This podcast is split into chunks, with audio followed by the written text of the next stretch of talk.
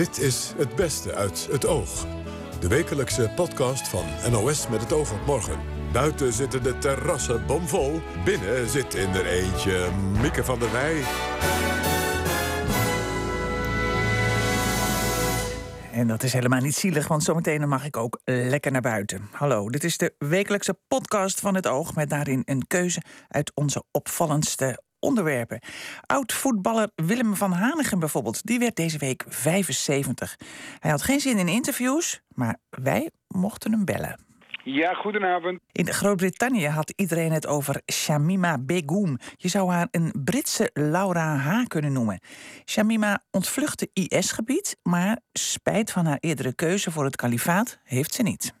Ja, als je haar hoort vertellen, zegt ze, nou, ik, ik wist heel goed wat ik, uh, wat ik deed. En ik heb ook absoluut geen spijt dat ik heb gegaan, dat ik ben gegaan. Maar eigenlijk baalt ze vooral dat het kalifaat niet zo goed georganiseerd was als ze hoopte. Ja.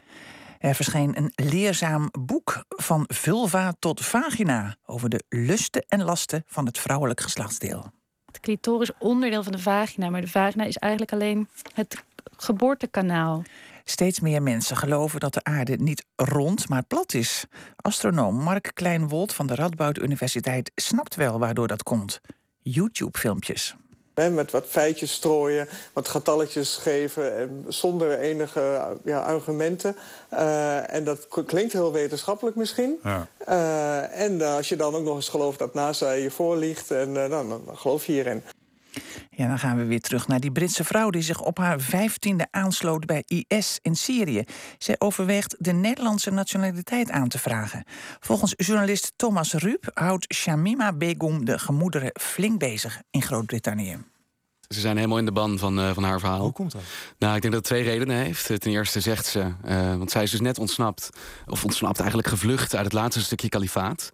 En daar wordt nu een soort eindstrijd uitgevochten en uh, het is haar gelukt om daar te ontkomen. En ze wordt nu opgevangen door de Koerden in een kamp.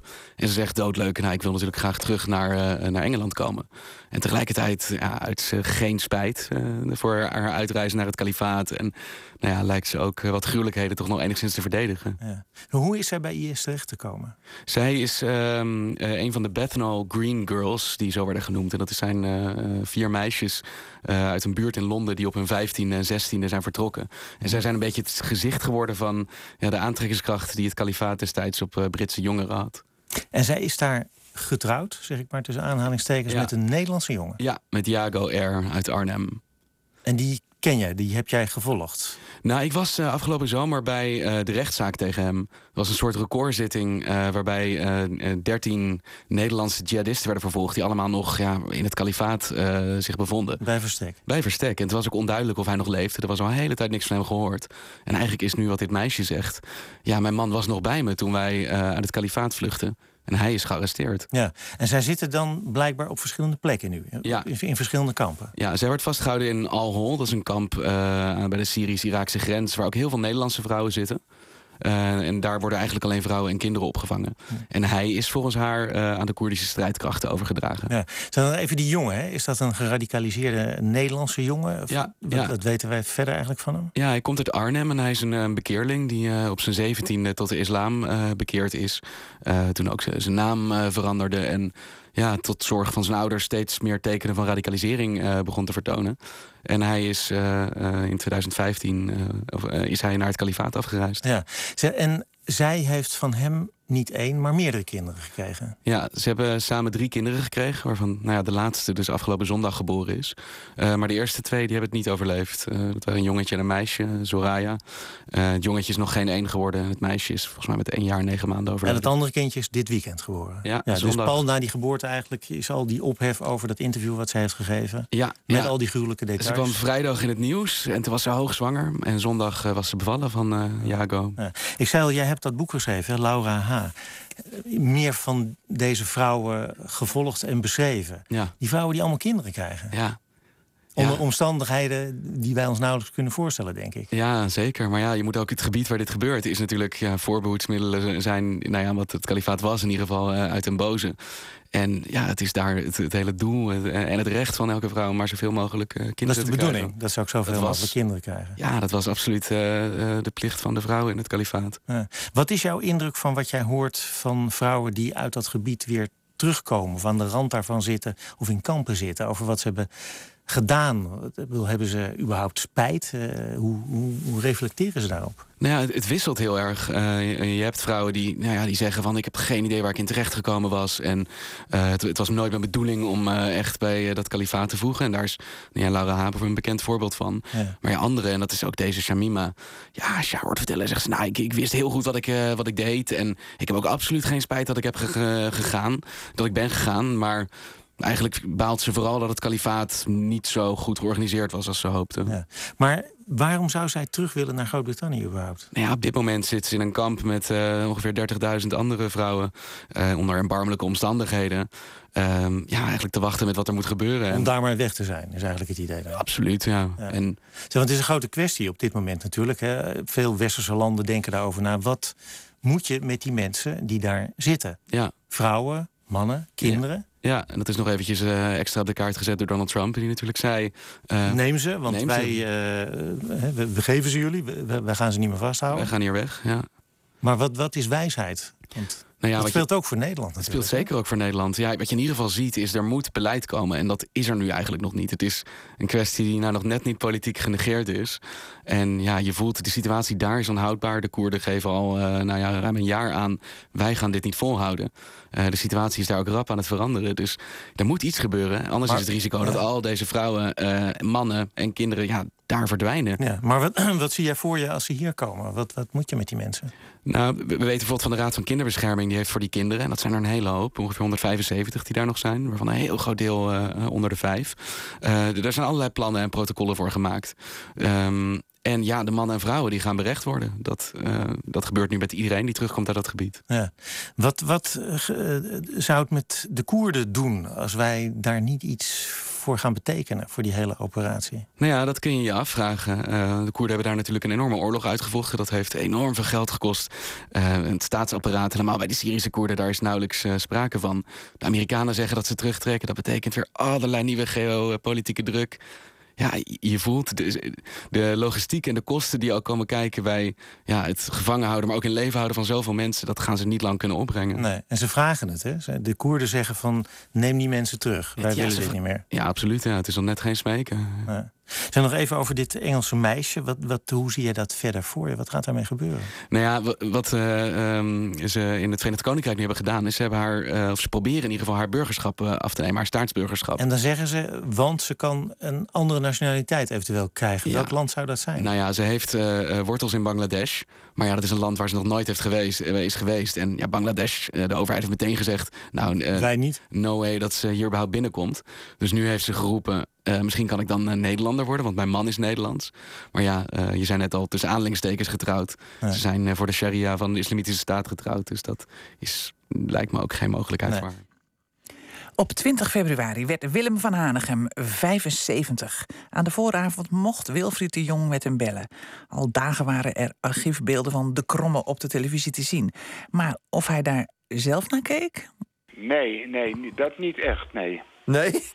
maar ik heb het wel gehoord. Oké, maar waarom... Dat Tijden Sport was echt wel mooi gemaakt... met veel archieven uh, van jou erin uit allerlei... Uh... Ja, maar dat heb ik... Dat, dat, ik zei toen dat ik dat gezien heb, maar dat, dat heb ik... En, en van de week kwam ik thuis.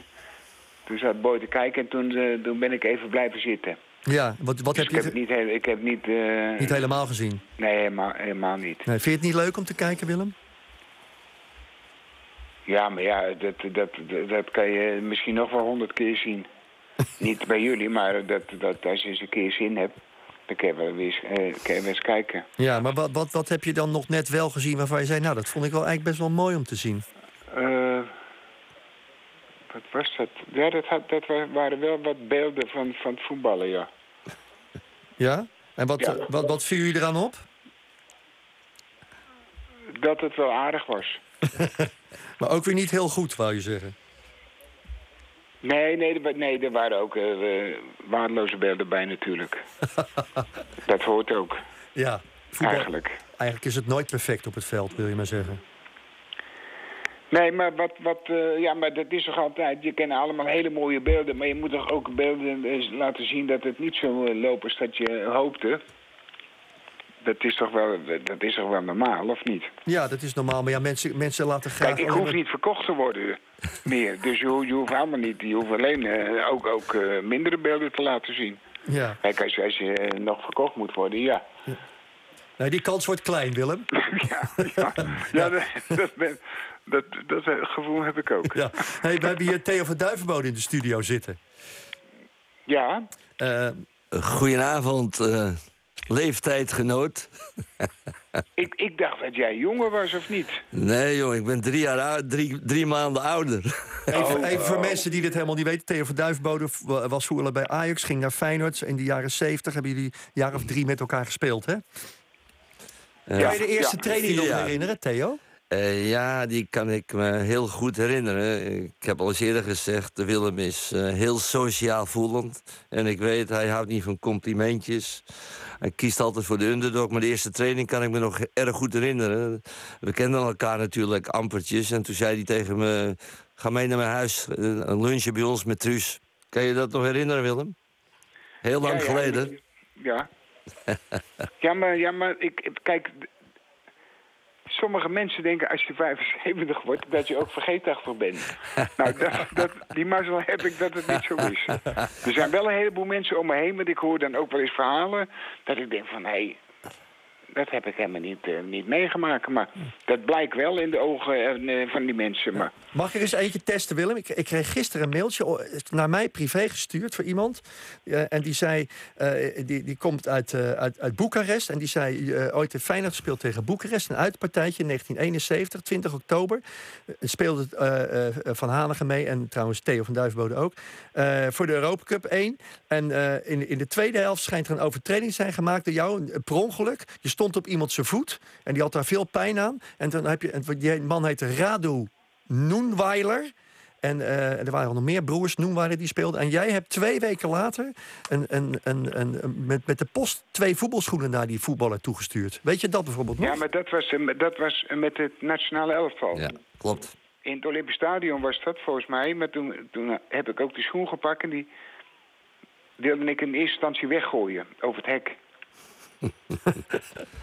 nee, dat, dat, kan ik me wel herinneren, ja. Toen hebben, we, hebben ze van, uh, van Adidas hebben ze toen uh, schoenen opgestuurd naar hem. Oké, okay, nou ja, dat, hij beweert dat het een wedstrijd in Boekarest was... die jullie met 3-0 wonnen.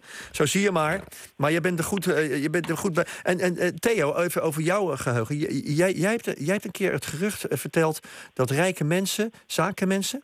Uh, hebben geprobeerd om Van Hanegem naar Ajax te halen. Nou, Willem kan dat beter zelf vertellen. Ik denk dat dat... Uh, het is een gerucht, niet meer dan een gerucht... maar dat ze ooit geprobeerd hebben om je naar Ajax te halen. Willem, is dat juist? Nee, dat, dat, ik moet zeggen, dat klopt. Dat was... Uh, Piet was goed bevriend met de familie van de meiden. Wie Piet? De... Piet Keizer? Piet Keizer. Ja, voetballer bij Ajax. Die hadden een heel groot bouwbedrijf, als ik me kan herinneren. En die waren helemaal bezeten van Ajax. En toen ben ik een keer bij die mensen geweest en toen uh, vroegen ze... zou dat niets voor jou zijn, Ajax? En zat je toen bij Feyenoord of zat je nog bij, bij Excelsior? bij Feyenoord, ja. ja. En toen? Nou, maar toen, toen hebben we het toch maar niet gedaan, nee. En wat was dat? Waarom dat ik, dat ik er zeker van was dat, dat Duivenbode naar ons toe kwam. en dan denk ik, nou ja, die is toch lekker als je zo bek achter je hebt. Niet de snelste, niet, maar tactisch wel de sterkste. Hoor je dat, Theo? Je was niet, je was niet, de, niet, niet de snelste, maar tactisch wel goed. Theo was een, een hele lieve bek. Ja, ik was te netjes, hè, Willem? Tactisch was, het wel, was hij wel slim. Ja, ik was te netjes. En wat vond jij van Willem in die tijd dat je met hem speelde? In de, in de nou, eh, kijk, ik uh, ben niet iemand, Willem, die snel complimenten geeft... maar je was natuurlijk een, uh, een redelijk com, complete voetballer. Ik heb in het seizoen 67, 68 heb ik vier wedstrijden tegen je gespeeld. Toen speelde je nog bij Xerxes.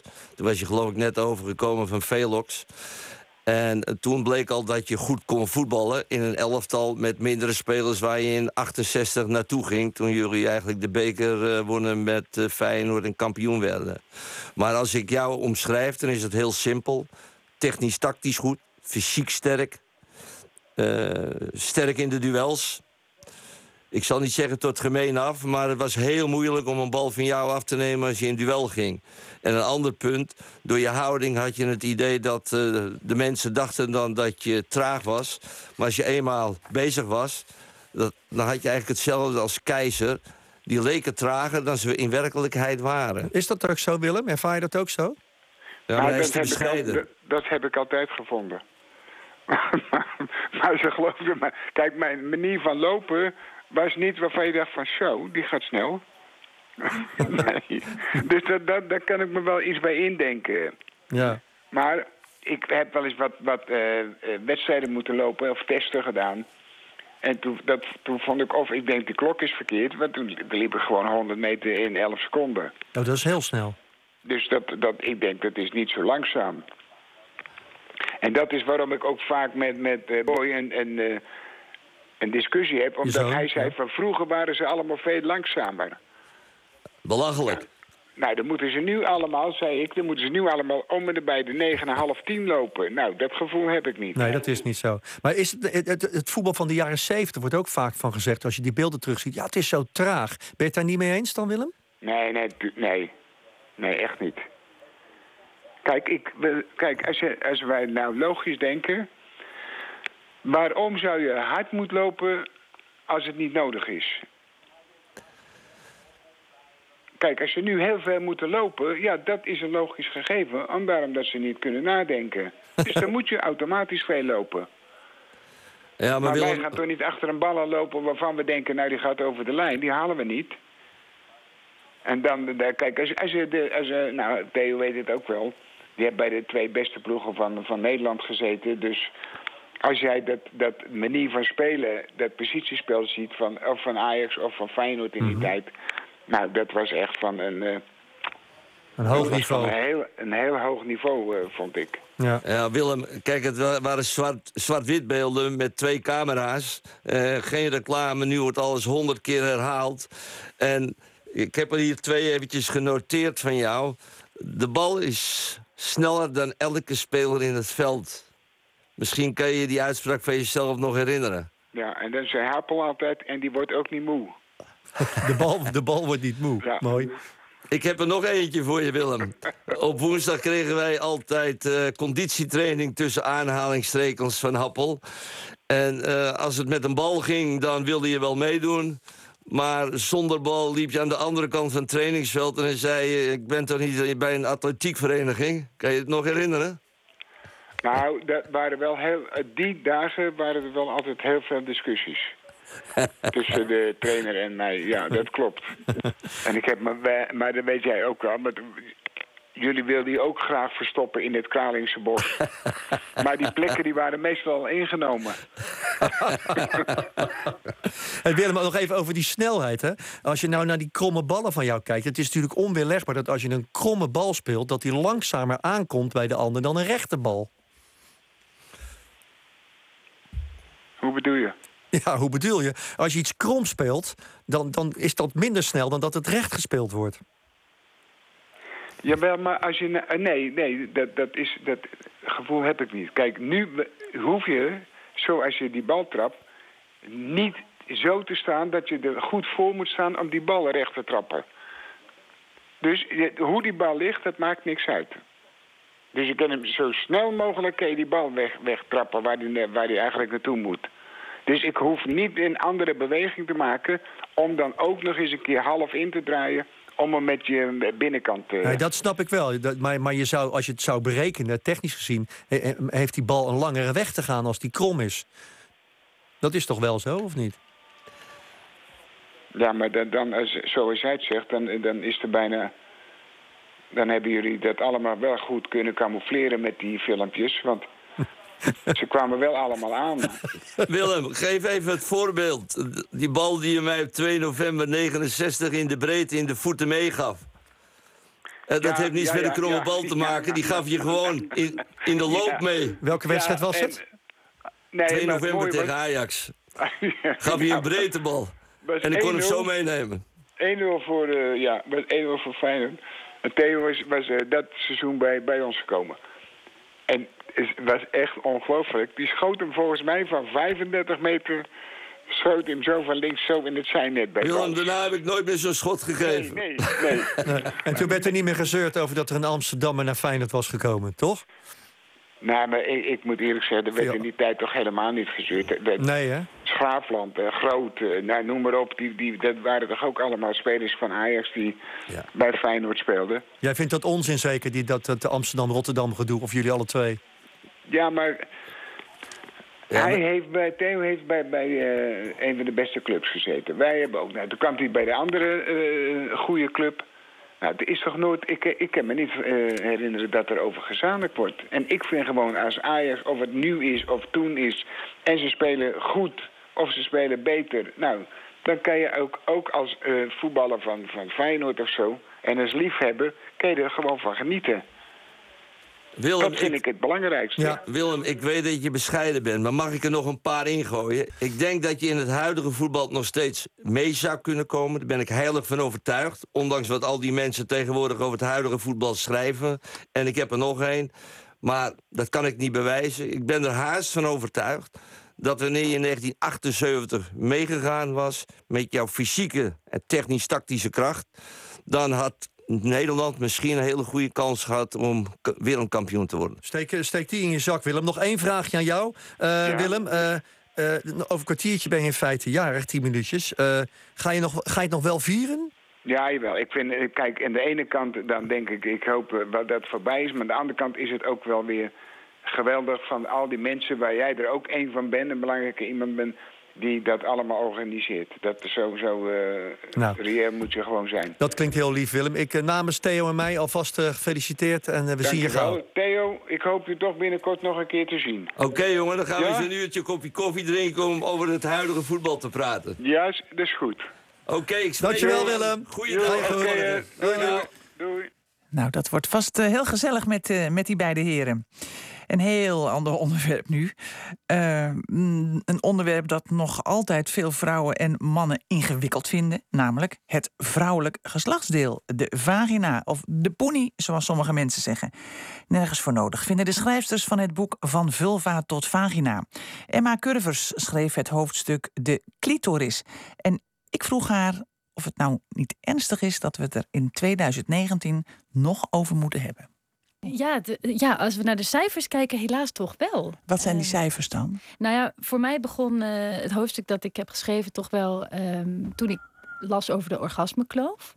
Um, dat wil zeggen dat uh, hetero mannen eigenlijk veel vaker klaarkomen dan hetero vrouwen.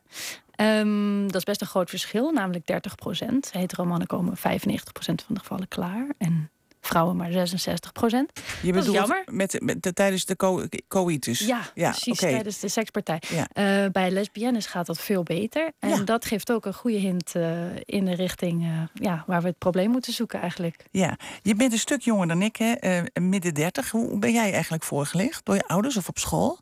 Ja, heel mager eigenlijk. Ja, ja dat was toch wel heel semier hoofdstukje bij biologie. Wat stond er dan in dat boek? Ja, gewoon hoe je niet zwanger moet worden. En dit is een erectie en dit is de pil. En uh, veel succes allemaal, jongens en meisjes. Ja. Nou, is toch al nog iets meer dan ik heb geleerd. Ja, toch wel meer. Ja, maar goed, dat doet er niet toe. Maar wat, hebben ze, wat stond er in dat boek over die clitoris? Nou, heel weinig. Dat, dat was toen dus nog echt dat, dat bolletje. Ja. En um, we weten dus inmiddels dat die clitoris uh, veel groter is. Dat was misschien al wel bij meer mensen bekend, maar dat is pas de afgelopen twintig jaar echt uh, in nou, zwang gekomen. Dat, dat schrijf jij, dat was al eerder uh, ontdekt. Hè? Dat dus die clitoris dat, dat een, eigenlijk een heel groot ding is, maar dat is ja. een beetje aan het, aan het zicht ontrokken. Maar dat werd, werd telkens weer vergeten, schrijf je. Ja, of het was niet belangrijk genoeg misschien om het te onderzoeken. En ook uh, de technische mogelijkheden eh, moesten natuurlijk nog wat groeien. In, in 1998 heeft dus die uh, Helen O'Connell, een Australische urologe, die heeft dat echt uh, helemaal uit elkaar gehaald. En ja, zij was de eerste die zei, maar die zwellichaampjes, die waren wel al eerder gezien, die horen bij die clitoris. En er zitten dus enorm veel uiteinde in. En dat was nogal een, uh, dat was nieuws. Was voor jou ook een verrassing? Ja, ik kwam er ook pas net uh, achter dat dat daar allemaal onder schuilt. Tijdens een, tijdens een lezing van Ellen Laan, toch? Ja, ja die, dat is een seksuologe. Ja. En die, uh, hoogleraar seksuologie, sorry. Uh, en die verspreidt dat evangelie. Ja, ik had net even over hoe het vroeger ging. Dit thema is natuurlijk al oud. In de jaren zeventig werd er al aandacht voor gevraagd. We gaan even luisteren naar feministe Ariane Amsberg in 1980. Ja. In de puberteit krijgen kinderen dan voorlichting Jongens krijgen voorlichting over zaadlozing en meisjes krijgen voorlichting over menstruatie. Maar het grote verschil is dat jongens vanaf dat ogenblik weten wat een orgasme is. En meisjes krijgen geen enkele voorlichting over orgasme. Nooit wordt daarover gesproken. En vrouwen leren helemaal niks over lustbeleving. Ja, dat is dus bijna 40 jaar geleden. Hè? Wat een leuk fragment. Ja. ja. Je kent haar waarschijnlijk wel. Nou, nee. Eh, nee? Nee. Oh, nou ja, dat is echt zo'n feminist uit de tweede feministische golf... die daar dus ook al heel veel aandacht voor vroeg. Ja. Dat, bedoel ik, dat, dat, dat steeds maar weer... toen leefde ik nog niet. Nee dat, begrijp ik, nee, dat begrijp ik wel. Nee, dat is, is ook geen verwijt. Maar het gaat erom dat dat iedere keer steeds maar weer opnieuw moet. Dat dat kennelijk op een of andere manier dan niet doorzet. En dat ja, nou, deze generatie dan weer opnieuw aandacht hiervoor vraagt. Ja, maar toch denk ik... Ik heb ook wel een oudere feministe uh, geïnterviewd voor dit stuk. En zij, zij zei, en ook wel andere vrouwen hebben mij toch al verteld... van in die vorige, die feministische golf van die tijd ging het toch wel veel om, om vrijheid in de zin van rechten verwerven, de pil, grotere vrijheden op de arbeidsmarkt. En genot was daarin nog niet uh, het allerbelangrijkste. En ik denk dat nu dan hopelijk de tijd is dat, dat daarin uh, een grotere slag gemaakt Alhoewel dus toen ook al wel vrouwen waren die, die daar aandacht uh, voor, voor vroegen. Ja. Dit, dit boek, hè, ik zei net, je hebt het hoofdstuk over de clitoris geschreven. Ik heb hier trouwens ook twee fantastische snoepjes. Ja. Had je die nog niet gezien? Nee, ik, ik ik van de uitgeefster. Maar je kunt ze echt opeten. Zeker. Zullen we ze opeten? Ja, dan kunnen we niet meer praten. Oh. Nee, dat kan niet. Dan, zitten we, dan, dan is het niet verstaan. Maar nee, zometeen eten we ze op. Maar we gaan eerst het gesprek, gesprek afmaken. Uh, het boek, het is, het is niet alleen maar over, over de clitoris. Het is ook een activistisch boek, hè, dit? Ja, of een beetje wel. Ja, er zit toch wel een, een element in van... dit zijn onderwerpen die onderbelicht zijn uh, gebleven... waar veel vrouwen uh, ook al zijn ze heel nieuwsgierig en, en best uh, prima naar school geweest, eigenlijk zelf ook nog vaak veel over kunnen leren. De schrijvers ook. Ja. En gewoon uh, op onderzoek zijn uit te gaan. Ja, maar er staat bijvoorbeeld ook een heel leuk stuk in over de kunsthistorie. Hoe, er, hoe, vrouwelijk naakt altijd is afgebeeld. Ja. Nou, misschien mensen kunnen zich het volgens mij wel voorstellen. Dan heb je zo'n zo'n zo'n Grieks beeld. En daar zit dan weliswaar een klein, maar toch een duidelijk mannelijk geslachtsdeel aan. Terwijl dan bijvoorbeeld bij vrouwen ja, gewoon niks. Zo'n zo, zo glad, glad driehoekje. Ja, of bij Barbie. Die heeft ook niks. Nee. Vrouwen kennen hun eigen geslachtsdeel gewoon eigenlijk minder goed dan mannen. Hè? Dat is altijd zo geweest. Dat heeft natuurlijk ook te maken met het feit dat zo'n pik gewoon aan de buitenkant zit. Ja, presenteert zichzelf. Ja, precies. En die heb je gewoon de hele tijd in je handen. Bij ieder plasje zit je eraan. Ja. Bij vrouwen is dat gewoon anders. Dat blijft natuurlijk dat verschil.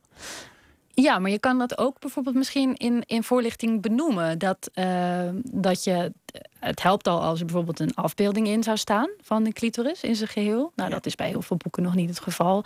Er zijn ook wel uh, boeken waarin uh, voorlichting waarin het wel uh, wordt gedaan hoor.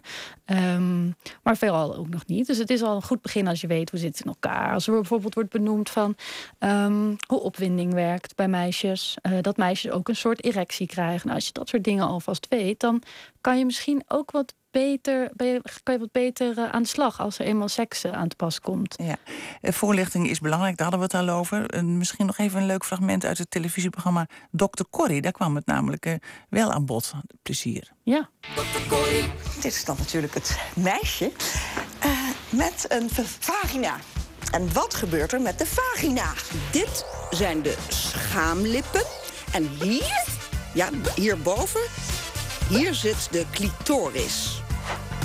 De, dat ziet eruit als een klein roze bolletje. En dat is het gevoeligste gedeelte van de vagina. En als je de clitoris aanraakt, kan dat een fijn gevoel geven. Nou, tot de volgende keer, hè? Dr. Corrie. Maakt twee fouten, hè? Ja, inderdaad. Ze zegt clitoris en het moet clitoris zijn. En ze heeft het over een bolletje, terwijl het een, een, een hebben we net verteld, een, een enorme ding is. Oh ja, nog een fout dan. Dan zijn het er drie. Want ze zegt clitoris onderdeel van de vagina. Maar de vagina is eigenlijk alleen het geboortekanaal. Ja. De, oh, dat is ook niet vulva goed. vulva is het geheel van externe dingen. Ja, de ja, ligt er doorheen. Ja. Maar de schrijvers van dit boek willen dat we nu vulva gaan zeggen, hè? Ja, nou ja, ik ga er niet kinderachtig over doen, hoor. Ja. Porno maakt vrouwen ook onzeker, hè? Jij schrijft bijvoorbeeld over de, ik citeer, de pornokut. Ja, ja de invloed van de pornokut zou, zou een oorzaak kunnen zijn van dus de toename in het aantal, ehm, hoe noem je dat, labiaplastie. dus die operaties aan de schaamlippen. Knippen in de lippen. Ja, het schijnt dus dat veel vrouwen wel graag zo'n mooie opgeruimde vagina willen met netjes alles binnenboord, zeg maar. Ja. Ehm, dus dat kan vrouwen inderdaad onzeker maken. Net als de seks die ze zien in, in porno. Daar is ook wel over geschreven. Maar het is heel lastig om daar onderzoek naar te vinden. Ja. Eenduidig onderzoek. Ja. Nou, uh, ik, ik, hoop dat die huidige generatie van jullie dus wel uh, eindelijk eens een keer dan. Uh, hè? Het, is, het is volgens mij ook een kwestie van de, de, de, ja, daar opener over zijn. Ik zei net aan het begin van de uitzending: wie loopt er gewoon met een tampon naar de wc op zijn werk? Hè? Dat doen heel veel vrouwen nog steeds niet. Ja, je moet hem gewoon zo rondzwaaien. Precies. En met dat soort dingen moet je volgens mij gewoon ook beginnen, toch? Ja, misschien wel, ja. Of er gewoon eens over praten. En er is nu, precies, en er is nu een emoji voor ongesteld. Ja, leuk hè? Ja, zo'n klein rood druppeltje. Ja, ja. vond ik leuk. Ja, hebt u hem al gezien? Heel leuk rond druppeltje. Een emoji, zoals dat heet, voor ongesteld. Nou, dat is dan wel weer helemaal nieuw. Goed, het laatste onderwerp. U hoorde al dat de groep mensen die gelooft dat de aarde plat is, groeit. En dat is geen grap. Mijn collega Chris Keijnen bekeek een populair YouTube-filmpje over de platte aarde. Vooral dit van ene Eric Dubai, die maar liefst 200 bewijzen aanvoert in een anderhalf uur durende film, waaruit volgens hem blijkt dat de aarde geen ronddraaiende bal is. The horizon always appears perfectly flat 360 degrees around the observer, regardless of altitude. All amateur balloon, rocket, plane, and drone footage show a completely flat horizon over 20 plus miles high. Ja. Only NASA and other government space agencies show curvature in their fake CGI photos and videos. Ook nog eens een doodzaaie stem. Goedenavond, Mark Kleinwold, astronoom verbonden aan de Radboud Universiteit. Overtuigd? Nee, niet echt. uh, het is eigenlijk een beetje belachelijk, eh, vind ik, dat we, dat we hier nog over moeten hebben als je, als je daarnaar kijkt. Ik, ik kon ook die twee uur niet volmaken. Nee. Ik heb er een beetje doorheen gescrollt, maar nee. Dat is eigenlijk, uh, mogen we het hier niet over hebben, vind ik kan ik me voorstellen. Toch, toch maakt het de indruk. Er worden enorm veel cijfers gegeven en, en allemaal beweringen gedaan over, over wetenschappelijke berekeningen enzovoort. Zit er een, een, een, een piepklein kernje van waarheid ergens verborgen in deze anderhalf uur? Nou, ik heb, ik heb dat niet kunnen vinden, maar nu heb ik hem ook niet helemaal gekeken. Maar hmm. ehm, het, het is eigenlijk. Ehm, ja, ik, ik zat er naar te kijken en toen ging bij mij op de vraag van... wanneer hebben wij voor het eerst besloten of eh, uitgezocht dat de aarde rond was? En ik vind dat wel een interessante vraag. En ik, ik, uh, ik wou hem eigenlijk aan jou even voorleggen. Weet jij wanneer dat was ongeveer? Ik heb geen flauw idee, maar het was voor mijn tijd. Ja, het was ver voor jouw tijd. Het was in de vijfde eeuw voor Christus. Dus uh, toen wisten wij dat al. Dus voordat we met de jaartelling begonnen, ja. uh, wist men al dat de aarde rond was. En, uh, en wij zijn nu in de 21ste eeuw. En er zijn dus mensen die op internet beweren dat dat niet zo is. Nou, ja, maar... weet je, je kan je dus ja, vragen afstellen als van... Ja, stel dat, wij, dat ik met jou een gedachte-experiment doe... en dat ik bij jou wegloop vanuit Hilversum. En ik, ga de, ik loop, blijf maar lopen in één richting. En dan kom ik mm -hmm. uiteindelijk weer bij jou uit, toch? Dat denken we wel. Dat denken we wel, ja. ja en, maar nu als is dat er YouTube, hè? zijn, ja, nu is er YouTube. En, en stel dat de aarde plat zou zijn... dan zou ik dus ergens een rand tegenkomen. En dat is nog nooit gebeurd. Om mij iets Nee. te zeggen. Ja. En zo zijn er heel veel argumenten. Maar daar, daar moet je eigenlijk niet op ingaan. Het is natuurlijk veel interessanter om te kijken... waarom kan zoiets eh, zo'n hype worden? Nou, en heb je, Want daar dan, heb je daar heel kort eh, tot slot nog een poging tot een antwoord op? Nou ja, het is het, het- ik denk dat het een beetje met de complottheorieën te maken heeft. Eh, dat mensen eh, dan eh, een beetje vallen voor het pseudo-wetenschappelijke verhaal wat gehouden wordt. Met, met wat feitjes strooien, wat getalletjes geven en zonder enige ja, argumenten. En dat klinkt heel wetenschappelijk misschien. Ja. En als je dan ook nog eens gelooft dat NASA je voorliegt, en, dan, dan geloof je hierin. Ja. Maar het is, het is bizar dat dat zo'n zo'n hype creëert. Is er wat, is er wat aan te doen? kunnen. Zou het, eh, zou het verboden moeten worden? Nou, nou, je kan dit soort dingen natuurlijk niet heel moeilijk verbieden. Hè, want het is toch gewoon een open platform. Dat wij, wij proberen onze kennis met elkaar te delen. Eh, het enige wat wij kunnen doen is het juiste verhaal eh, vertellen. Ja, en, en hopen dat de mensen ons gewoon daarin geloven. precies. En iedereen ons niet gelooft, die sturen we op weg en Ja. zeggen we... Ga lopen en dan zien we hem aan de andere kant weer aankomen. Nou ja, dan, dan ga het maar zien. Kijk eens om je heen. Je ziet het gewoon. Ja, nou, was wel een uh, lekkere diverse week podcast hè? Van IS-vrouwen via cafépraat van voetballers en de clitoris naar de platte aarde. Goed. Volgende week hoop ik dat hij ook weer zo leuk is. En uh, dan is er in ieder geval weer een podcast van het Oog. Dag. Gute Nacht, Freunde. Es wird Zeit für mich zu gehen. Was ich noch zu sagen hätte, dauert eine Zigarette und ein letztes Glas im Stehen.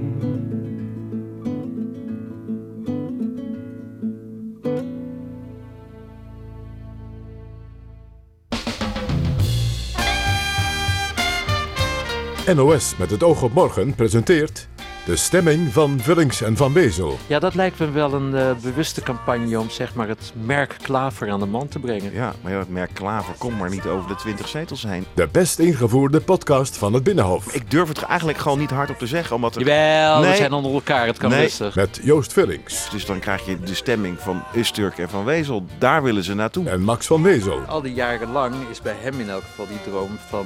we moeten ophouden een politieke kleuter te zijn, uh, blijven leven. Met de persoon van de week. Stilstand is achteruitgang en dat geldt ook voor een luchthaven. Elke vrijdag een nieuwe aflevering.